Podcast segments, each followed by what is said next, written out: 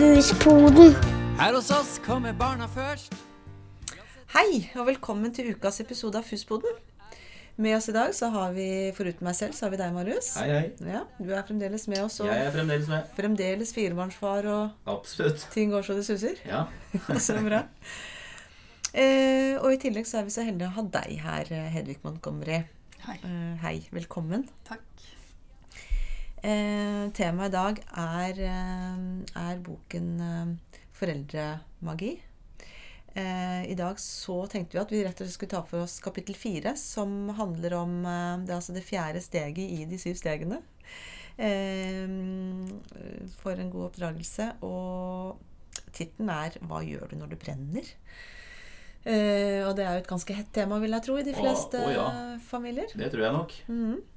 Nå må det bare sies at i barnehagealderen så brenner det mer enn noen annen periode i livet. Ja. Så det er nå du får brannmannopplæringen din. Ja. Jeg trenger brannslukningsapparat overalt. Ja. I alle rom. Ja. I alle hus. Ja, det, det, det, det skal du få nå i denne episoden, eh, Marius. Veldig bra. Så, så vi skal prøve å få litt mer forståelse for hva vi bør gjøre når det brenner. Eh, når det rett og slett ikke fungerer mellom oss i familien, i flokken vår.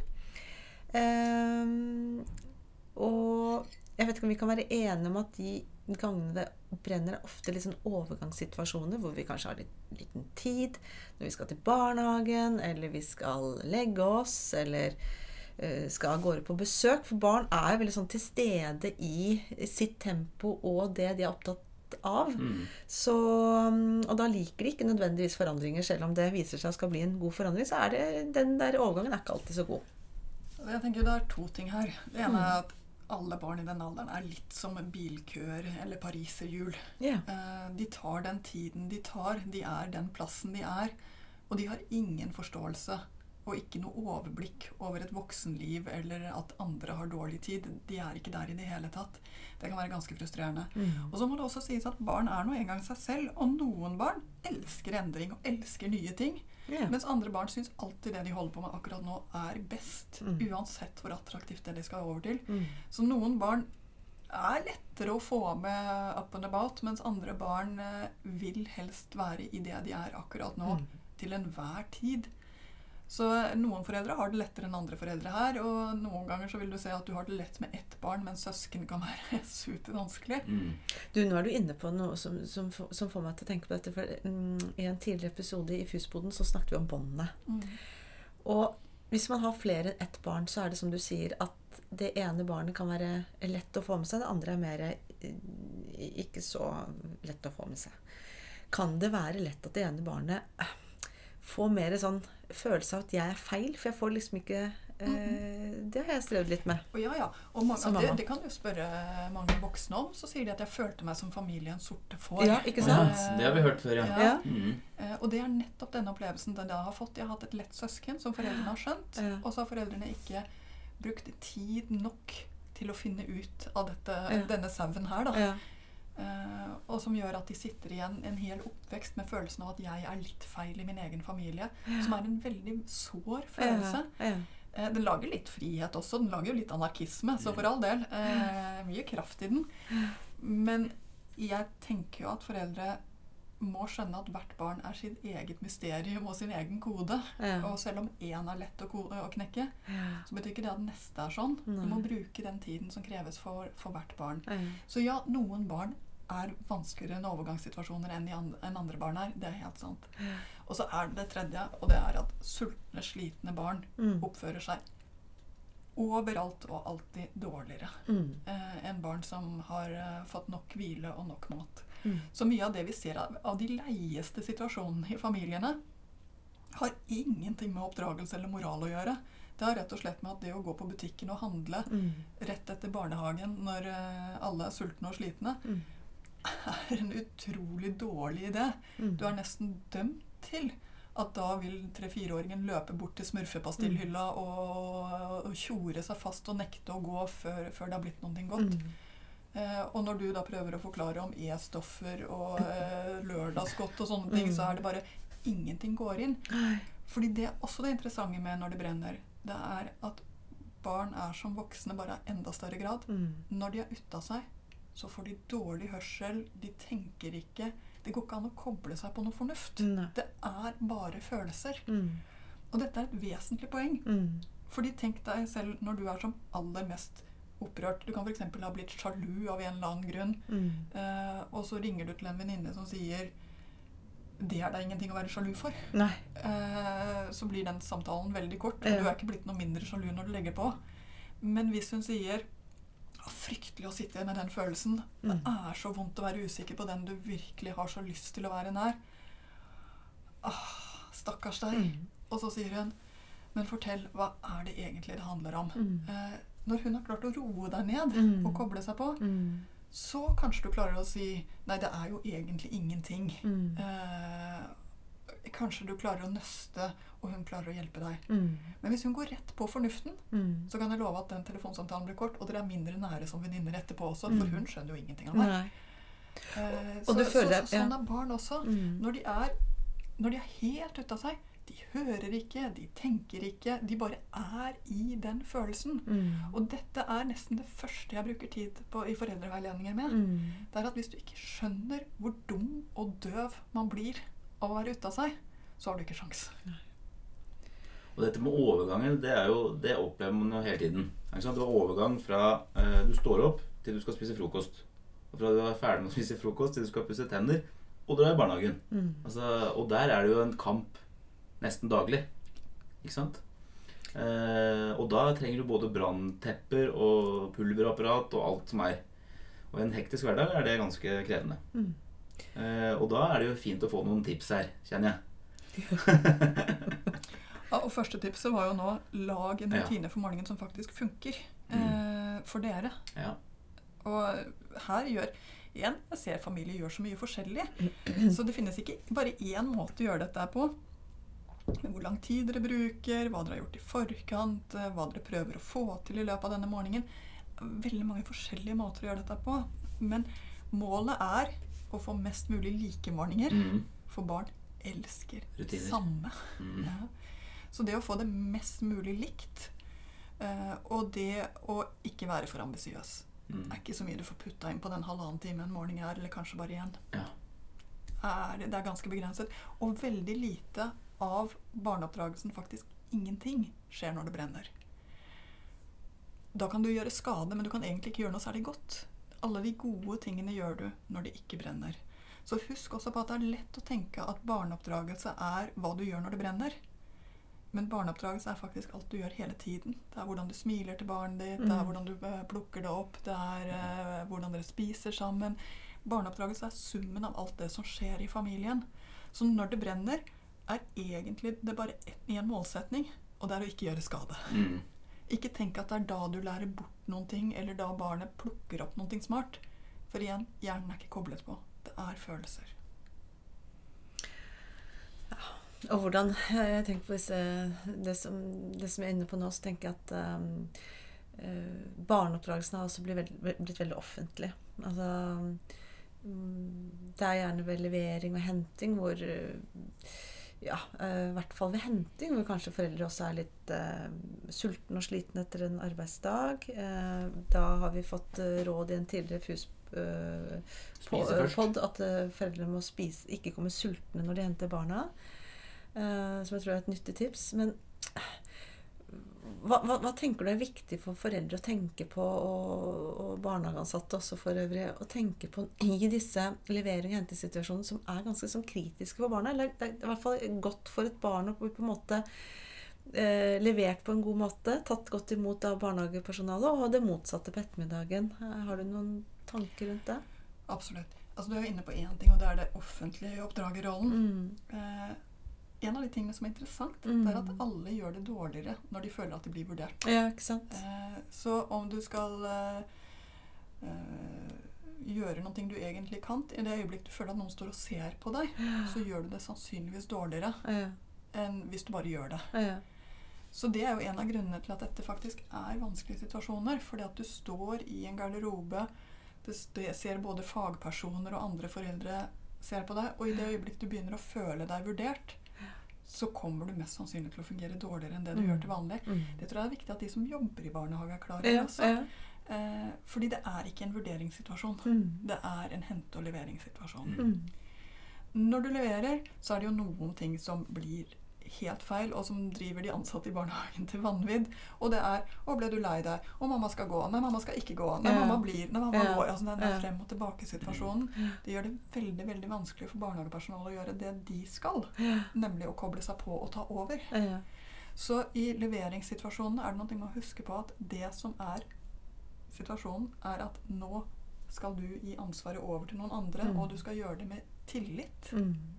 Det kommer til å gå bra. De Mm. vet hva de driver med. Mm. Du må rett og slett gi barnet den følelsen av at ja, det er vondt å bli levert noe du skulle ønske at vi kunne være hjemme og steke pannekaker. Mm.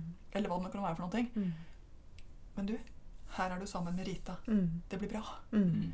Og så må du gå og stole på at de ringer deg fra barnehagen hvis gråtingen ikke går over. Mm. Den er frem og tilbake-situasjonen Mm. er veldig slitsom for barnet. Og demper ingen brann. Hentesituasjonene er eh, det samme, men motsatt. Yeah. Eh, det er du som skal ta tilbake igjen ansvaret for barnet. Yeah. Og her er det nesten den motsatte fellen å gå i. Nemlig at når barnet da f.eks. driver med et eller annet, perler, koser seg, og yeah. du sier 'nå skal vi gå', så er det ikke sikkert at hun vil det. Mm. Akkurat nå har hun det faktisk Mm. fint. Og så blir foreldrene litt fortvila og sier f.eks.: 'Men hva vil du, da?' Mm. Og det er et helt umulig spørsmål for et barnehagebarn. Det er altfor stort. Man kunne like gjerne ha spurt om uh, hva er meningen med livet. Mm. Det er et spørsmål som de, de ikke kan forholde seg til. Men hvis du sier ah, perlingen går så fint, vi sparer perlene, vi setter det på sparehyllen, og så spør og hva syns du vi skal ha til middag, fiskepinner eller kjøttkaker, så er det plutselig håndterbart. Mm. Barnet har blitt ledet inn i neste eh, skritt. Du har tatt ansvaret som voksen. Mm. Så det du gjør når du henter, er nettopp å ta tilbake igjen. Nå er det deg og meg. Mm. Nå er det vi eh, som skal være sammen. Mm. Og jeg leder an i dette. Jeg vet hvor vi skal. Men kan man også der på, i den situasjonen eh, la barnet leke litt ekstra? Altså, eller eh, det er liksom Hvis du har tid, Hvis du har tid. så er det helt greit? Ja, ja, Ja, absolutt. Eh, og og senest i går gjorde jeg det med et av mine egne barn. Mm. Han var så fint inni noen ting og ville spille kort fordi han, han går på SFO. Så jeg, ja, det har vi tid til. Mm. Det kan du gjøre mens jeg sitter og gjør ferdig noe annet. Fordi da hadde jeg tid. Mm. Men hadde jeg ikke hatt tid, så hadde jeg sagt det. Mm. At uh, vet du hva, jeg tror du må spille kort i morgen. Ja. Mm. For uh, nå har vi det og det programmet. Mm. Så her må du vurdere ut fra hvor du er. Men poenget er at det er du som vet dette. Ja. Og det er du som må ta ansvar for Det er ikke barn som skal bestemme det. Nei. Ja, og det, men det, nå, det bringer oss inn på noe som, som, um, som jeg vet at snakkes mye om. um, ja, det å være større og sterkere er det noe vi sier i, i pedagogikken og kanskje i psykologien også. Men, eh, og før vi gikk på sending her, så snakket vi litt om at du sa at ja, det, Og det kan jo misforstås. Ja, eh, Det er et språk som mange foreldre misforstår. For Ja. større og sterkere Ja, får deg til å virke som en som skal bruke makt. ja, En som er ovenfra og ned. ja, Mens det jeg ser etter, er foreldre som leder i øyenhøyde. ja, Det vil si foreldre som tar ansvar, ja, og som hjelper barnet videre, er veiledere. Men de må gjøre det i øyenhøyde med barnet, i forståelse med barnet. Så ja, du er større, og barna er ikke i tvil. Voksne er giganter. De er kjemper. De er de største dinosaurene på jorda Mm. for et lite barn. Så barn er ikke i tvil om hvem som er størst. Mm. Det trenger ikke du å vise eller å markere. Mm. Men du trenger å ta ledelse. Mm. Du trenger å si Skal vi gjøre det sånn, eller skal vi gjøre det sånn? Eller nå gjør vi sånn. Mm. Eller du, jeg vet. Mm. Men dette er veien Mm. videre Mm. akkurat nå. Jeg vet det. Mm. Det er noen ting med å ha en forståelse av at du har en lederrolle. Jeg tror alle kjenner igjen dette fra arbeidslivet. Når du har en leder som er usikker, og som flakker med blikket og hele tiden spør deg og ikke klarer å komme med eh, ordentlige svar, så blir du usikker som ansatt også. Mm. Og hvis du har en leder som bare bestemmer over deg og dikterer deg, så får du ikke noe lyst til å jobbe for vedkommende. Nei. Men hvis du har en leder som sier ah, 'Nå er vi her.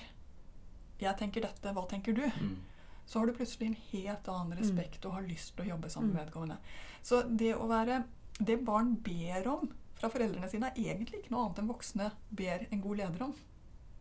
For det er det, det er det jeg legger i definisjonen deres sterkere. At du, at du, er, er, at du prøver å være ja, Å veilede barnet, og, og det at du ikke går ned og liksom blir tre år du, altså for det, det er det jeg tenker på. at Det hender jo at vi liksom står i en, en slags konflikt med barnet som er tre år, og så blir vi også tre år. Mm. Det, er det, det er der jeg liksom tenker at da må vi være litt eh, Vi har litt mer eh, erfaring, da. Ja, jeg jeg kjenner meg litt igjen der, da. Ja. At jeg kan plutselig bli tre år, jeg. Ja. Eh, Hvis det koker over, eller hvis, det, hvis det blir veldig stor brann. Ja.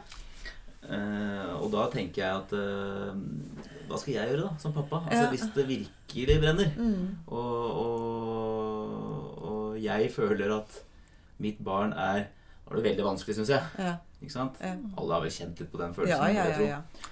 Så, så det, det er litt vanskelig å vite altså, hvordan man skal gjøre og Opp til riktig, da. Ja, ja. Man må bare si En av de tingene som faktisk har gjort dette vanskeligere for foreldre, Ja. Er eh, for mange gode råd fra psykologer. Ja.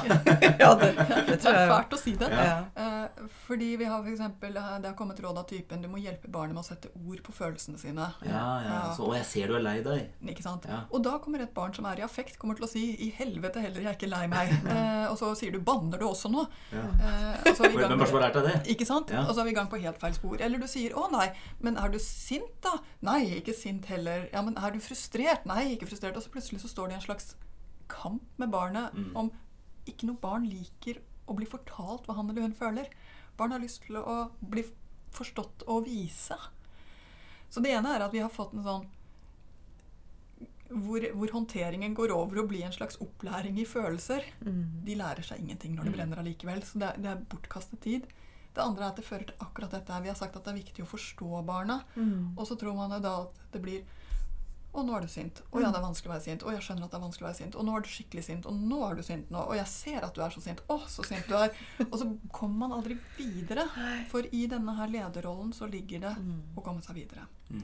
Så nå har vi tatt de to grøftene. Mm. Eh, det finnes noen andre også, og en av dem er å bli altfor sint selv. Mm. La oss komme tilbake igjen til den, Ja. men så tar jeg bare den korte. Hva er det for noe jeg ser etter? Mm. Jo, jeg ser etter at voksne rett og slett skjønner når barna deres har eh, skrudd seg til, altså når det koker over. Det er ikke så vanskelig å forstå, Nei. men det er ikke noe mer du trenger å forstå da enn at nå har det gått skikkelig gærent her. Nå koker det. Hvis du stopper opp og tenker det selv, så er du faktisk allerede i gang med å koble deg på barnet. Ah, ble allting feil nå? Er en måte å koble seg på barnet på og vise at 'jeg skjønner at allting ble feil'. Mm. Det trenger de. Og så bruker du de kvarte sekundene som du nå får til rådighet, til å tenke 'hva i himmelens navn er det dette handler om'? Om det er en skjevkneppet jakke, om det er en pølse som falt på gulvet, om det, altså, hva det måtte være for noen ting. Sånn at du kan si ja, noen ganger blir det slik. Jeg tror det beste vi kan gjøre nå, er Altså, du bekrefter at du skjønner at det handler om noen ting. At det er noe fornuft i det. Og så gir du en vei ut av det. Og mange ganger, altså noen barn, trenger mye trøst i slike situasjoner. De trenger rett og slett å komme på fanget, de kan trenge nærhet. Andre barn trenger at de får lov til å være litt ved siden av og roe seg ned selv. Eh, Så igjen, her er barn litt forskjellige. Jeg har ett av hver type Mm. her eh, selv. En som trenger mye fysisk kontakt, mens en det verste man kan gjøre med den andre, er å komme med fysisk kontakt. For Mm. han vil eh, Ja. Ja, det er rart at de er så forskjellige, altså. Ja, det er det. Mm. Så, hva- så hva du bruker dette her til, altså det kommer litt an på barnet ditt. Men tanken din er Min jobb som voksen når det brenner, er å roe ned. Mm. Ikke å bære ved til bålet. Mm. Barn som er veldig ute av seg, får dårlig hørsel, som får mange foreldre til å tenke Nå hører hva sa du? For dårlig hørsel? Ja, de hører dårligere. Det er fysisk? Fysisk. Oi. Affekt gjør at du hører dårligere. Å ja. Så sterke er følelser gjør at du hører dårligere. Som gjør at mange foreldre blir sånn Han har ikke noe respekt for meg, han hører ikke på meg, og så snakker de høyere. Så blir barna enda reddere. Eh, som gjør at de blir enda mer inne i graden sin. gjelder voksne òg, eller? Gjelder voksne også. Ja, ja. Det jeg trodde at kona mi var døv. Og det som også er interessant med barn, det er at i barnehagealder så har de ikke så god kontroll på hvilke uttrykk følelsene får. Sånn at kan f.eks. et lite barn som er skikkelig skikkelig, skikkelig redd, kan begynne å le. Ja. Og det virker Ja. helt ja. merkelig. Ja. Det virker helt merkelig. Eh, det gjør at noen foreldre går til den Ja. kortslutningen mm, at han ler meg rett opp i ansiktet. ja. Eh, det er trass. Men egentlig så Mm. er det ingenting annet enn at det er et redd barn som ikke klarer å håndtere situasjonen. nei. Og hør hvor alvorlig dette er når jeg sier det. Mm. Fordi her begynner mye som ikke er så vakkert Mm. i samspillet mellom barn og voksne. Her skjer mye av det som går galt i familiene. Der hvor barna trenger Nå har det gått galt, nå må vi roe ned. Ned med tempoet, Mm. ned med alt som skjer. Nå må vi bare få kontroll. Mm. Så skjer det motsatte Nemlig at de blir tolket som her må jeg oppdra, her må jeg være strengere, her må jeg sette mer grenser. Ja. Og så blir barnet skjøvet inn i en situasjon hvor de bare kan tape. Ja. Så bevegelsen er forstå at noe har skjedd, trekk ned tempoet og demp Mm. reaksjonen. Gjør det som skal til. Mm. Og det er ikke så interessant i denne situasjonen hva du gjør for noe. Hvis vi går tilbake igjen til butikken, Mm. hvor du har gått og handlet etter barnehagen, eh, og barnet blir helt fra seg over ikke å få et eller annet, så er en fin bare sånn skjønne Ok, nå står jeg med et sultent, trøtt barn som har lyst på smurfepastiller. Mm. Det er klart det er krise. Mm. Det er det første du må skjønne. Bare det at du har brukt tiden på å skjønne det, gjør at du kommer til å si enten 'Beklager, vennen. Vi kan ikke kjøpe det i dag. Vi har ikke penger til det. Vi skal spise mat etterpå. Det går ikke. Jeg er lei for det.' Og så fortsette handleturen. Hvis du kjenner at du overhodet ikke klarer å ta den sutringen det fører til, for det kommer du til å gjøre Hvis du ikke klarer, føler at du klarer å stå for nei-et ditt, så er det bedre å si 'OK, vi kjøper dem i dag'. Men det er ikke regelen. Det bare ble sånn i dag. Og så triller du hjem med et fornøyd barn som spiser smurfepastiller i vogna. Eh, men det betyr Er det feil òg, eller? eller? Det er litt feil, er det ikke det? Nei, altså jeg tenker Eller- at det betyr ikke så mye. Eh, fordi de vokser ut av dette uansett. Men vil de ikke da gjøre det neste gang òg? Jeg må bare si, Orker du å stå i nei-et ditt, så er det det absolutt Ja, det beste. ja. Eh, men hvis du tenker vet du hva, jeg klarer ikke å ta den kampen, Mm. så ikke ta den. Eh, Det er et voksenansvar å liksom kjenne på det. For Ja. hvis du kjenner at den der der, nå kommer jeg til å stå og krangle her litt, og så kommer den til å ende opp med smurfepastillen allikevel, så er den nesten verre. Mm. Jeg er bare redd for at det blir smurfepastille hver gang man er ute og handler. da Jo, men så er det jo også du som har ansvaret. Ja da. For når du går og handler, eh, og det å ta med seg sultne og trøtte barn i Det er dumt i seg selv. er liksom ikke noe innertier i seg selv. Mm. Eh, så du har litt mer kontroll der enn det du tror i situasjonen. Ikke legg for mye i denne situasjonen, er det jeg sier. Mm. Eh, og så kan du etterpå, når dere da har kommet hjem Enten du nå har et barn som ikke fikk smørfepastiller, og du kommer hjem og har spist middag, så kan du si du i stad Jeg skjønner at du hadde lyst på de pastillene, men det var en grunn til at jeg sa nei. Mm. Da kan du forklare. Mm. Etterpå. Når barnet er helt rolig igjen. Og så kommer de til å si ja, ja, Skjønner en fireåring det, eller? Ja, Det gjør de. Eh, I hvert fall til dels. Mm. Eh, det kan du også gjøre når, du har, når hun har fått smurfepastillene Mm. og kommer hjem og har spist middag. Du, du fikk de smurfepastillene. Eh, og sånn ble det i dag. Men egentlig så er det ikke helt eh, greit å spise smurfepastiller på en vanlig tirsdag. Fordi kroppen har bedre av at det bare skjer en sjelden gang. Mm. Ja, Da kan du forklare sånne ting. Men ikke prøv å forklare dette når barnet står i brann. Nei. Nei. Det er etterpå vi kan forklare. Skjønner. Det jeg tenker på, jeg, det jeg, jeg kjenner at jeg blir litt sånn stille nå. fordi at jeg, jeg, i, altså når, det, når det brenner, så kjenner jeg på en sånn enorm sånn forlatthet og et ensomhet. Altså det, er så en, det er så stor eh, fare eller altså, Hvor ofte vil ikke et, et, et barn, eller et parforhold også for så vidt, da eh, um, den en, eller, eller hvis man får um, hvis man ikke føler seg bekrefta eller sånt Man vil jo føle på en veldig ensomhet. Hvis man ikke blir leiet gjennom det av mamma eller pappa. Mm. Eller av barnehageansatte eller Og ganske mange barn føler seg forlatte. Ja. De føler at de blir overlatt til seg selv og til skam, ja. når det de egentlig trenger, er kontakt og bli holdt ut. Og Ja. er klar over det at det motsatte av å bli koblet på, Ja. altså være i båndet, Ja. det er ensomhet. Ja. Mm. Eh, Og barn er ikke i stand til å gå tilbake igjen selv Mm. når de har blitt presset i ensomhet. De blir veldig hjelpeløse. Mm. Så det er et voksenansvar som er så mye større enn det vi tenker. Ja. eh, å koble inn, koble på. Mm. Eh, det betyr også at når barna har oppført seg dårlig Og jeg bare sånn Believe me, de gjør det. Ja, ja, ja. Eh, det har ingenting med oppdragelse å gjøre. Det har med det å, å være menneske å gjøre. Når de har gjort et eller annet som, som er eh, vanskelig, når de har vært slemme mot småsøsken, når de har eh, tatt på alt de ikke får lov til å ta på hjemme hos svigermor, altså hva det nå kan være for noen ting. Ting har blitt eh, litt krise. Du har klart å roe ned, sånn som vi sa nå. Mm. Eh, rett og slett ved ikke å hisse deg opp og bli like barnslig selv. Mm. Ved å skjønne at nå er det et barn som ikke klarer å roe seg ned selv, trenger meg. Ledet barnet ut av det. Etterpå, og det kan være én time etterpå, eller det kan være fem minutter etterpå, eller det kan være samme kveld. Altså, men et eller annet sted som ligner, altså, som fortsatt er i kontakt med det som skjedde, Mm. så kan du fra barna er ca. tre år begynne å stille det gode spørsmålet. Mm. Du i stad, da allting ble så gærent, Mm. hva skjedde? Mm. Eh, og da vil barna stort sett ikke ville snakke om det. Mm. Helt naturlig. meg. Helt naturlig. Mm. Hvorfor skal jeg komme opp og trekke, og, eh, trekke det med det nå? Mm. Eh, så da kommer de til å si 'vil ikke snakke om det'. Og så kan jeg si 'det skjønner jeg godt'. Men gi meg ett ord. Hvordan var det? Mm. Jeg var sur. Ok, Mm. Det er i hvert fall bra for meg å vite det. Da hjelper du barnet til å sette ord Mm. på det. Mm. Da kan du hjelpe barna til å finne ut av det. Mm. De sier det selv. Mm. Så etterpå kan du faktisk utrette mirakler som Mm. forelder. Eh, men vær klar over at da skal stemningen være god. Mm. Eh, da skal det være i armkroken god. Mm. Eh, og det er en ting som er fint hvis du får til dette fra barna er i barnehagealder, Mm. det er at da blir de vant til at svarene deres blir akseptert. Mm. Da er det én felle å gå i, og det er å si ja, men det er ikke lov å bli så sint for det. Mm.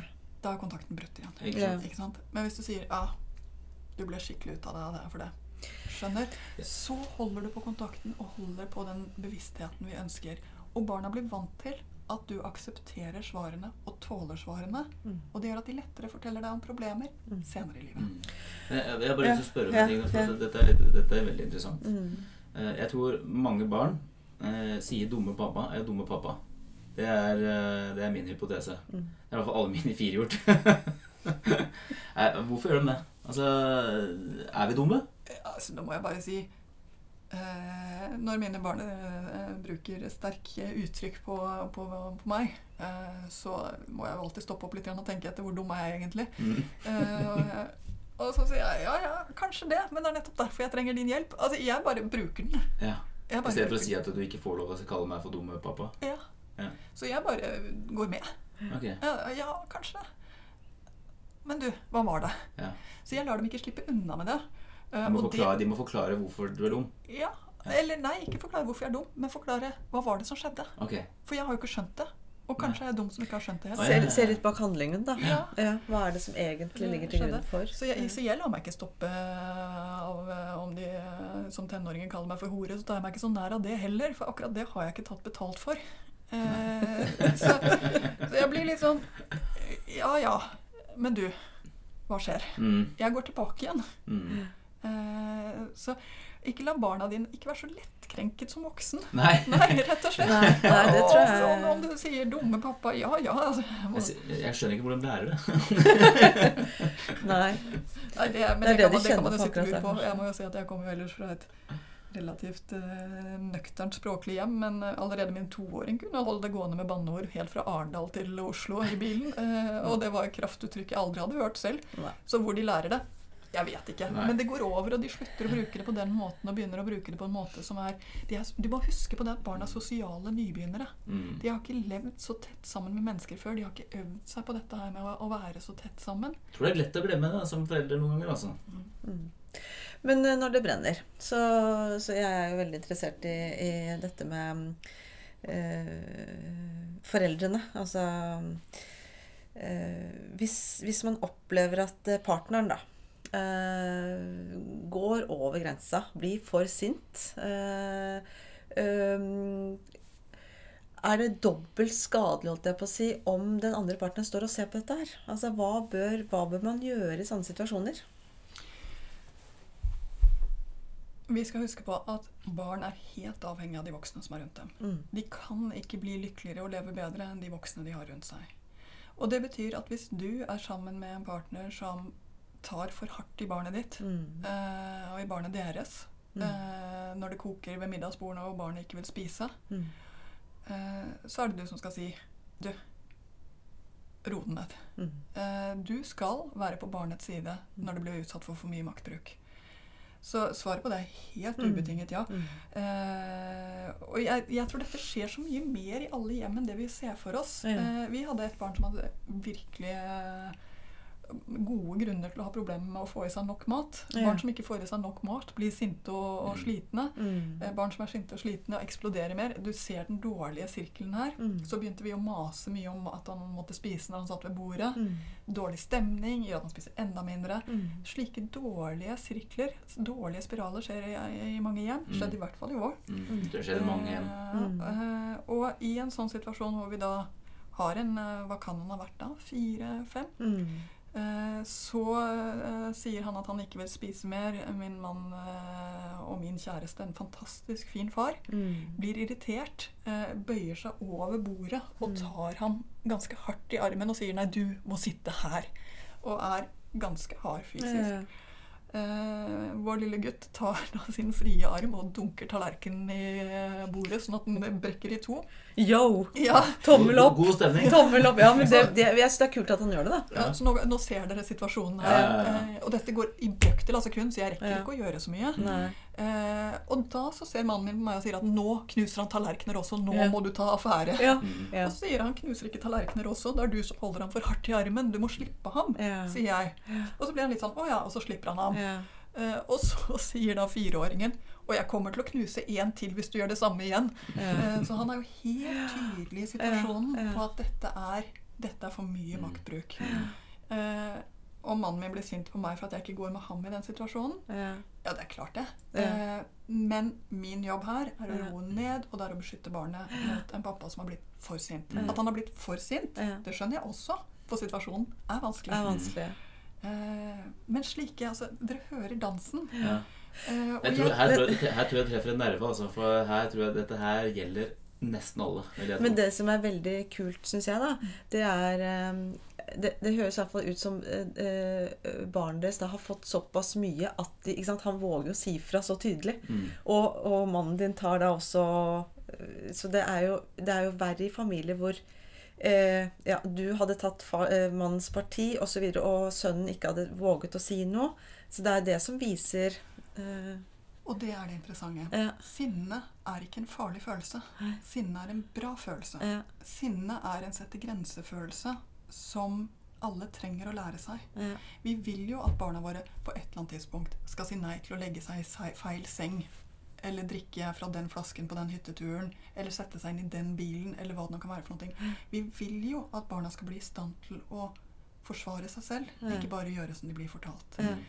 Så hvordan vi håndterer dette som vi kanskje kaller for trassalderen, eller hva vi nå kan kalle det, det Det vi lærer barna, er å håndtere det at de må sette grenser for sin egen kropp og sin egen handling. At de skal si nei til ting som er dårlig for dem, og ja til ting som er bra for dem. Så her, disse brannsituasjonene som vi har masse av akkurat i to, tre, fire, femårsalderen, Mm. de er der av en grunn. mm, Det hjelper barna til å si innenfor denne sirkelen må jeg få lov til å bestemme selv. mm. Så barn som er sinte, gjør ikke det for å lage dårlig stemning eller for å Nei. trasse foreldrene sine. De gjør det fordi de holder på å lære seg Mm. å slå disse grensene Mm. rundt seg. Mm. Og når toåringen lærer seg ordet nei, så klart det er en rus. Endelig Ja. kan de si nei til ting Ja.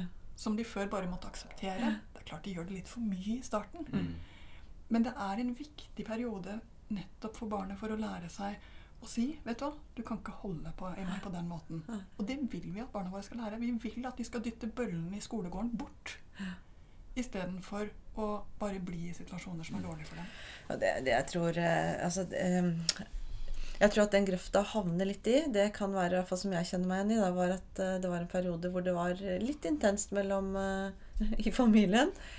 Og hvor det var sånn hvor jeg, hvor jeg bare følte at det, vet du, dette gjør du bare altså Dette gjør du i intensjon for å terge meg. Altså Jeg tenkte de tankene. Mm.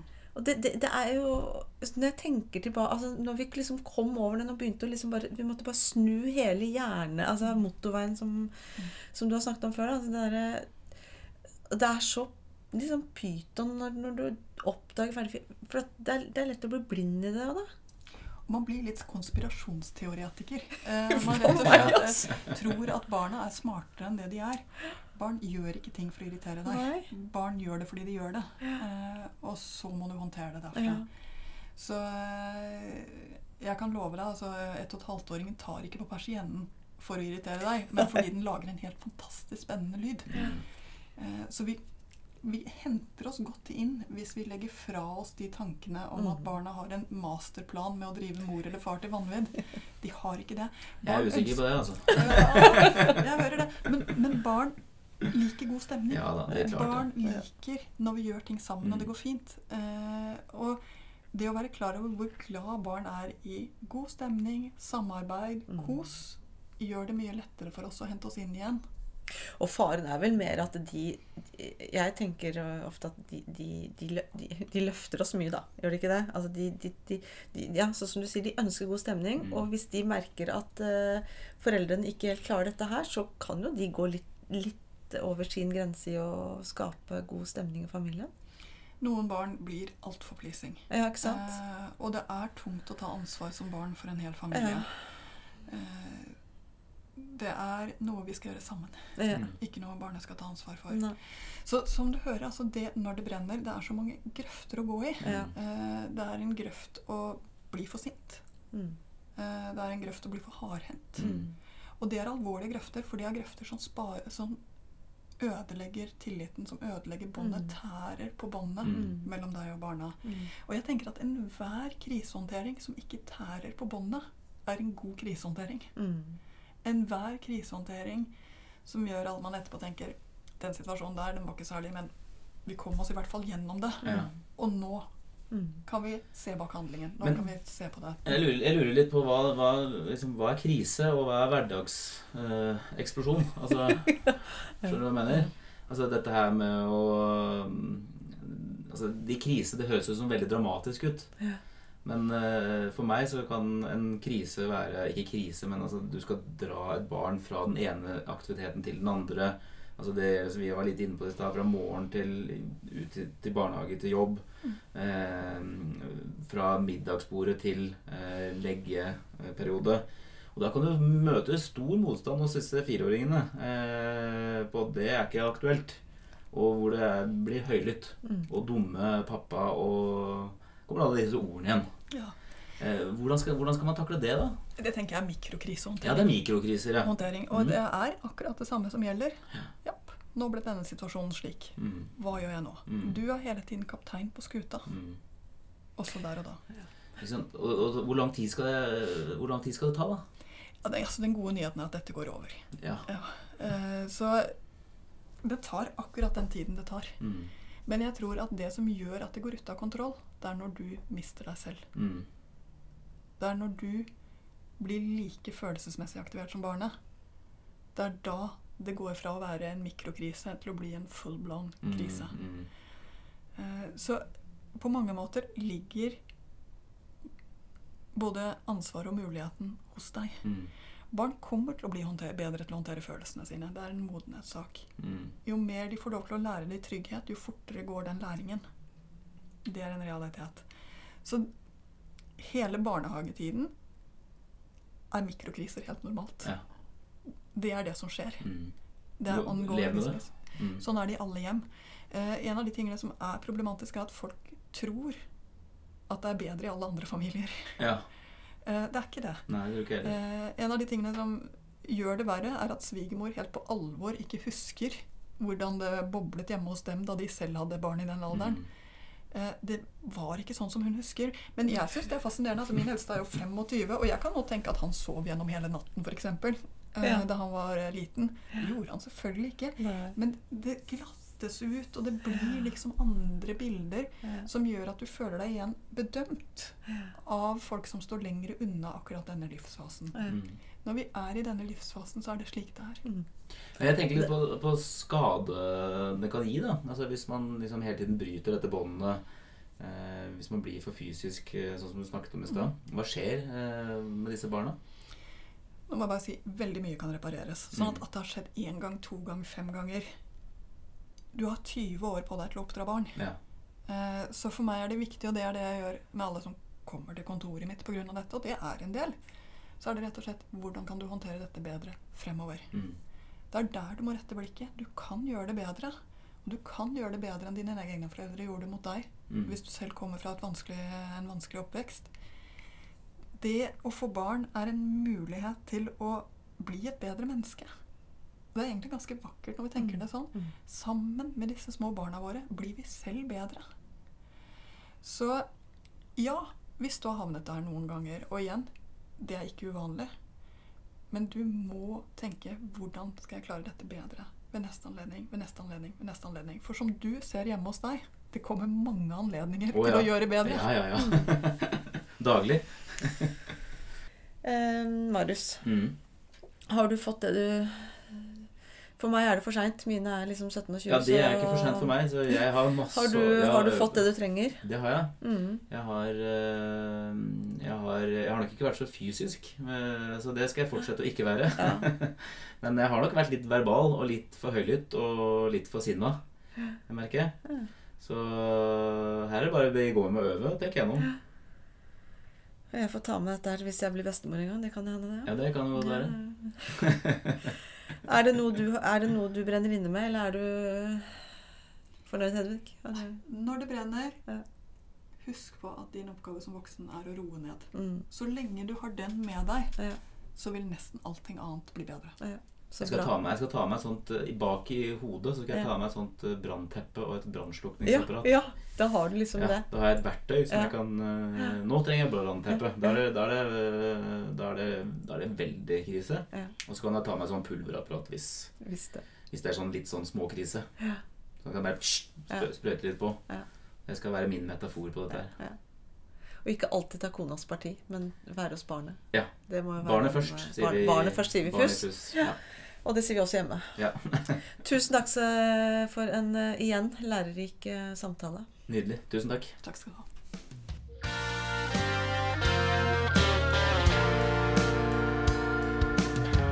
Her hos oss kommer barna først.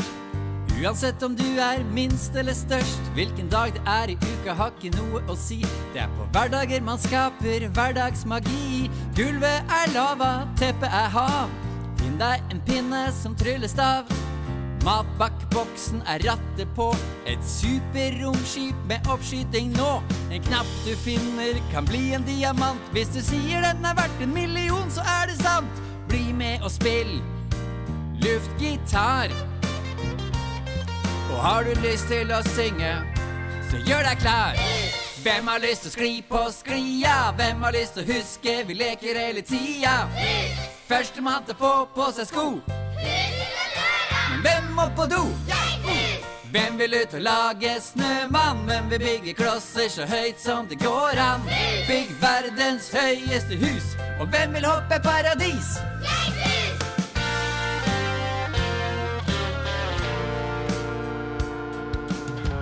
Her hos oss skal alle ha en venn. Klart du kan få flere, men alle skal ha én. En du blir ekstra glad for å se. En du alltid vet du kan leke med. For her skal det lekes så mye man vil. Gjemsel og sissen og stigespill. Male et kunstverk, tegne en borg. Kaste papirfly, ny rekord! Det skal bli søle på kinnet og sand i rumpa. Hei! Var det noen som prompa? Blås i det. Tørk bort snørret når refrenget kommer. Vet du hva du har å gjøre? Hvem har lyst til å skli på sklia? Hvem har lyst til å huske vi leker hele tida? Førstemann til å få på seg sko. Men hvem må på do? Hvem vil ut og lage snømann? Hvem vil bygge klosser så høyt som det går an? Bygg verdens høyeste hus. Og hvem vil hoppe paradis?